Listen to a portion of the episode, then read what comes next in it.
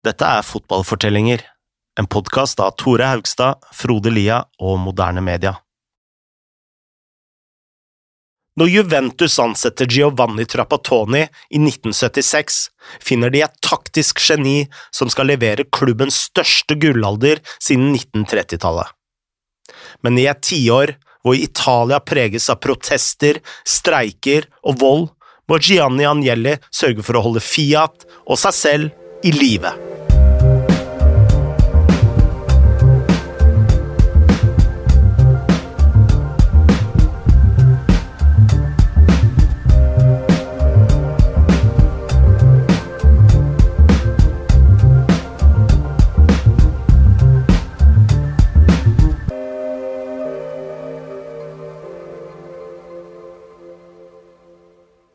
Da Agnelli først ringte Trapattoni en morgen i 1976, var det ingen som svarte.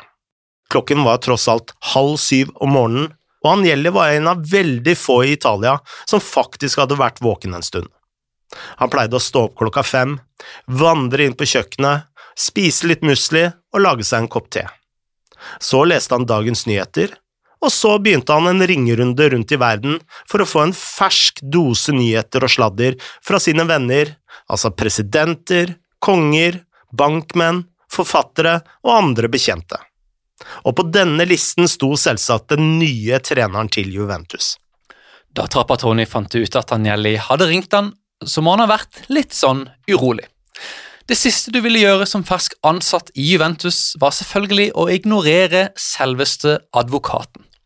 Så neste morgen satte Giovanni Trapattoni alarmen til fem på halv syv, og da telefonen ringte igjen, så satt han klar og plukka opp røret. Selv Trapattoni var litt sånn groggy og trøtt såpass tidlig på morgenen, men han syntes langt mer synd på Angelis familiebutler, som alltid måtte ringe først for å sjekke om personen faktisk var våken. Stakkars fyr, tenkte Ildtrapp. Da Agnelli sa god morgen og spurte om hvordan det gikk, hadde Trapattoni grunn til å være nervøs.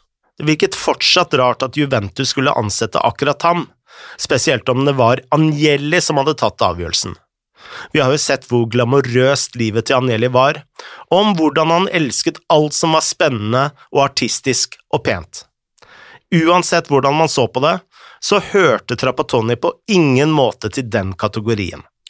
Trapattoni var sønn av en fabrikkarbeider som hadde vokst opp i Cusano Milanino, en landsby like nord for Milano.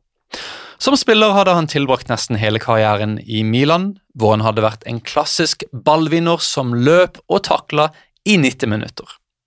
Han var god nok til å spille på A-laget til Italia 17 ganger, men det sa litt også om spillertypen han var, at han hadde spilt 274 kamper for Milan i Serie A og skåra kun tre mål.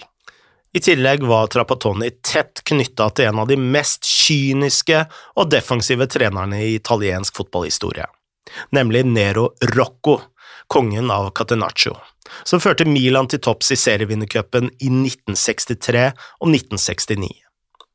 Trapattoni var en stor fan av Rocco og var generelt en jordnær fyr som satte pris på de enkle tingene.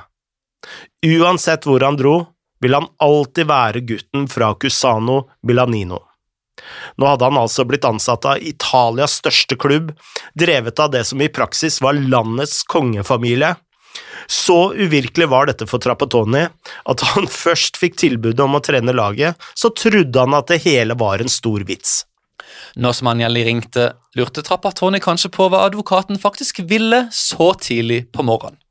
Og svaret, det var enkelt. Agnelli ville vite absolutt alt. Han var som en uh, hvilken som helst fan som hadde fått lov til å prate direkte med treneren, og han bombarderte Trappatone med spørsmål om spillere, laguttak, formasjon, taktikk, hvor høyt de skulle sette forsvarslinja, hvem som var i form, hvem som sleit med rytmen, hvem som hadde vært gode på forrige trening, osv. Og dette var ikke for å bare slå i hel tid, Agnelli var oppriktig en av lagets aller største fans. Trapattoni hadde ingenting imot å dele disse detaljene med Agnelli. Faktisk ble han sjeleglad for at Agnellis private liv ikke hadde noe til felles med kulturen i Juventus. Familien drev klubben som en forretning, med orden og effektivitet. Utrolig nok innså Trapattoni også at ingenting av det han sa, eller det som skjedde på innsiden, lakk ut til pressen. Dette var høyst uvanlig, men så hjalp det kanskje at Agnelli-familien eide to av landets største aviser. Trapattoni var ikke bare tilfreds med arbeidsforholdene. Juventus hadde havna bak Torino det året, men da Trapattoni leste opp navnene han hadde i stallen, så var det vanskelig for han å ikke smile. Like som Agnelli hadde utsøkt smak innen klær og kunst, så hadde klubben hans en egen teft for å hente de rette spillerne. De siste årene hadde Juventus signert profiler som Dino Zoff, Claudio Gentile, Gaetano Chirea og Marco Tardelli. Som om ikke dette var nok allerede, så fikk også Trapattoni de nye spillerne han ba om, og disse var blant andre Antonio Cabrini, Romeo Benetti og Roberto Boninsegna. I flere av disse overgangene var det Agnelli som personlig hadde tatt seg av forhandlingene. Han var en velutdanna fyr med mye respekt og eleganse, sa Trapattoni om Agnelli, men han visste også veldig mye om fotball. Før Juventus begynte sesongen, tok stallen den årlige turen til Villa Perosa, som var hjemmet til Agnelli-familien.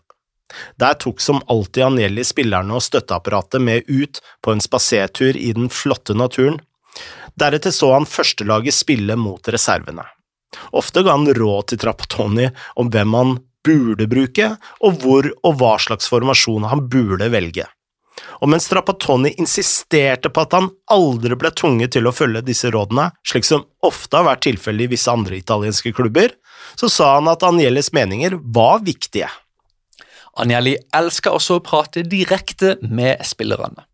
Selv om mange av disse var nasjonale superstjerner, så ble de nesten litt sånn starstruck av å møte selveste Gianni, og de behandlet han alltid med enorm respekt.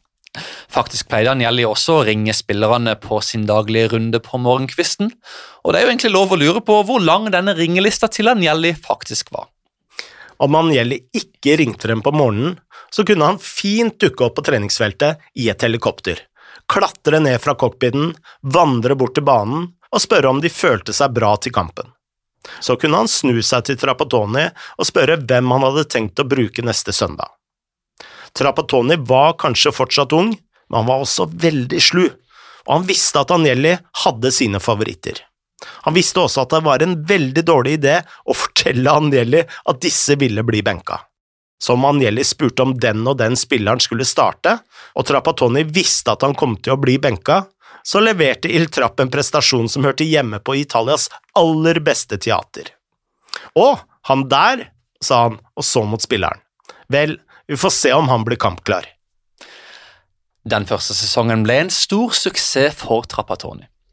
Juventus vant ligatittelen ett knepent poeng foran Torino, selv om Torino kun tapte én av 30 kamper. Juventus løfta også Uefa-cuppokalen etter å ha slått andre Manchester United på veien. Den neste sesongen vant Juventus ligaen nok en gang, fem poeng foran Vicenza.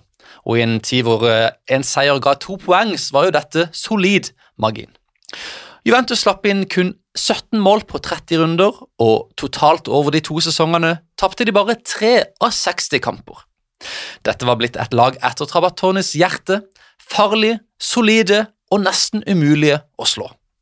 Som klubbens mest berømte fan så Agnelli ut til å storkose seg med disse triumfene.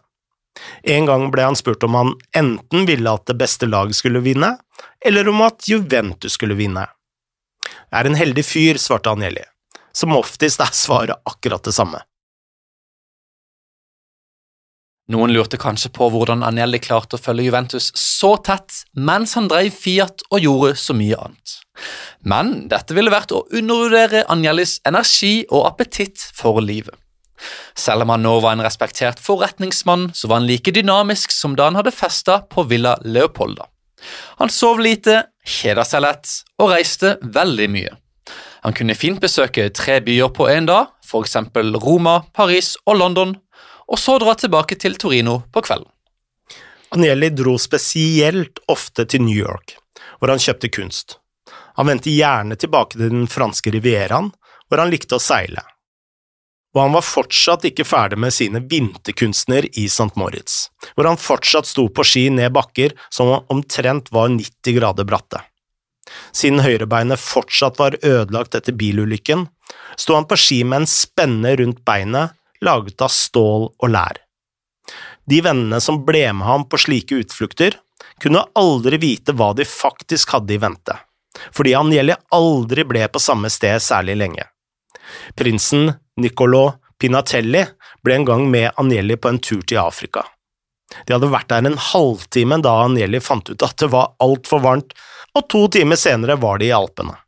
Men seint på 70-tallet hadde Agnelli viktigere ting å styre med enn seiling og skiturer. Selv Juventus havna i skyggen av det som foregikk.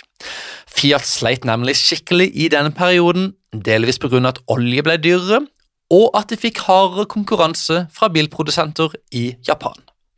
Så mye ble inntektene til Fiat svekka at Agnelli tok en drastisk avgjørelse. Han solgte 10% av aksjene til Lafico, et investeringsselskap som var drevet av Libya og kontrollert av Muammar al-Gaddafi. Samtidig ble Italia preget av stor uro mellom den politiske høyre- og venstresida. Det fantes en kommunistisk terroristgruppe kalt De røde brigader, som både kidnappa og drepte kjente politikere og forretningsmenn. Den mest berømte av ofrene var den tidligere statsministeren Aldo Moro, som ble drept i 1978.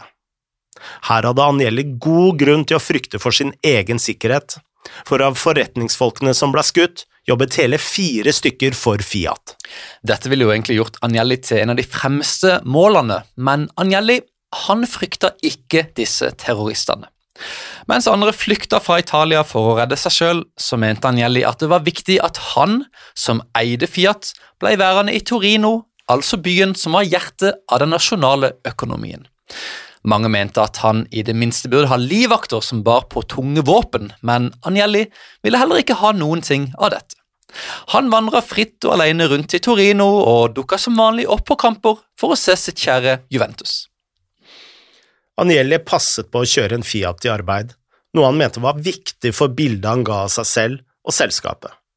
Men han var jo fortsatt en adrenalinjunkie, og det ikke alle visste, var at motoren han hadde installert i Fiaten, var fra Ferrari. Dermed kunne forskrekkede folk se en stakkars Fiat frese rundt på veiene som en klassisk sportsbil. Dette ga Nelly et ekstra gir om han skulle havne i trøbbel. Ifølge en historie skal en terrorist ha fått øye på Anjelli ute på veien og satt i gang en jakt. Men Anjellis Fiat hadde bare kjørt så fort at terroristen ikke klarte å holde følge. Mens Agnelli ble trua av terroristene, sleit Fiat med en annen utfordring, og det var nemlig protester fra sine egne arbeidere.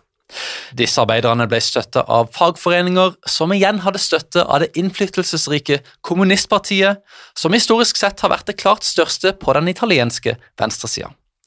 Fagforeningene ville ha bedre vilkår for arbeiderne, hvorav mange kom fra fattige områder i Sør-Italia. Men Fiat de måtte jo håndtere sin egen vaklende økonomi, så de planla å gjøre flere titalls tusen ansatte arbeidsløse. Denne konflikten nådde nye høyder i 1980, da ansatte i Fiat streiket i hele fem uker. De danna barrikade foran fabrikkene for å stoppe produksjonen, og selv om Trapattoni ikke hadde noe med Fiat å gjøre, så fikk han også føle på den økonomiske situasjonen. Da han spurte etter en ny signering, sa Anjeli at han måtte finne en ny spiller som var mye billigere. Juventus kunne ikke bruke formuer på nye fotballspillere i en tid hvor Fiat ga folk sparken. Men selv for fagforeningene så var det ikke lett å gå til kamp mot Agnelli-familien. Fiat drev nemlig ikke bare med å produsere biler, de hadde bygga skoler, og de ga ut pensjoner, og de hadde mange sosiale ordringer som mange av de ansatte også benytta seg av. Og selv om Juventus var hata i store deler av Italia, så fantes det også flere områder, spesielt i sør hvor disse arbeiderne kom fra, hvor de også var elska. Mange av de som jobba og protesterte ved Fiat-fabrikken fra mandag til fredag, kunne like gjerne gå på stadion på søndag for å se Juventus spille. Dette spesielle forholdet mellom arbeiderne og Agnelli-familien bidro til å gjøre slutt på konflikten. I oktober 1980 marsjerte 40 000 Fiat-arbeidere gjennom Torino med krav om å få lov til å jobbe igjen. Det førte til at streiken gikk over, og åpnet døren til et nytt tiår hvor både Fiat og Juventus skulle ha stor suksess.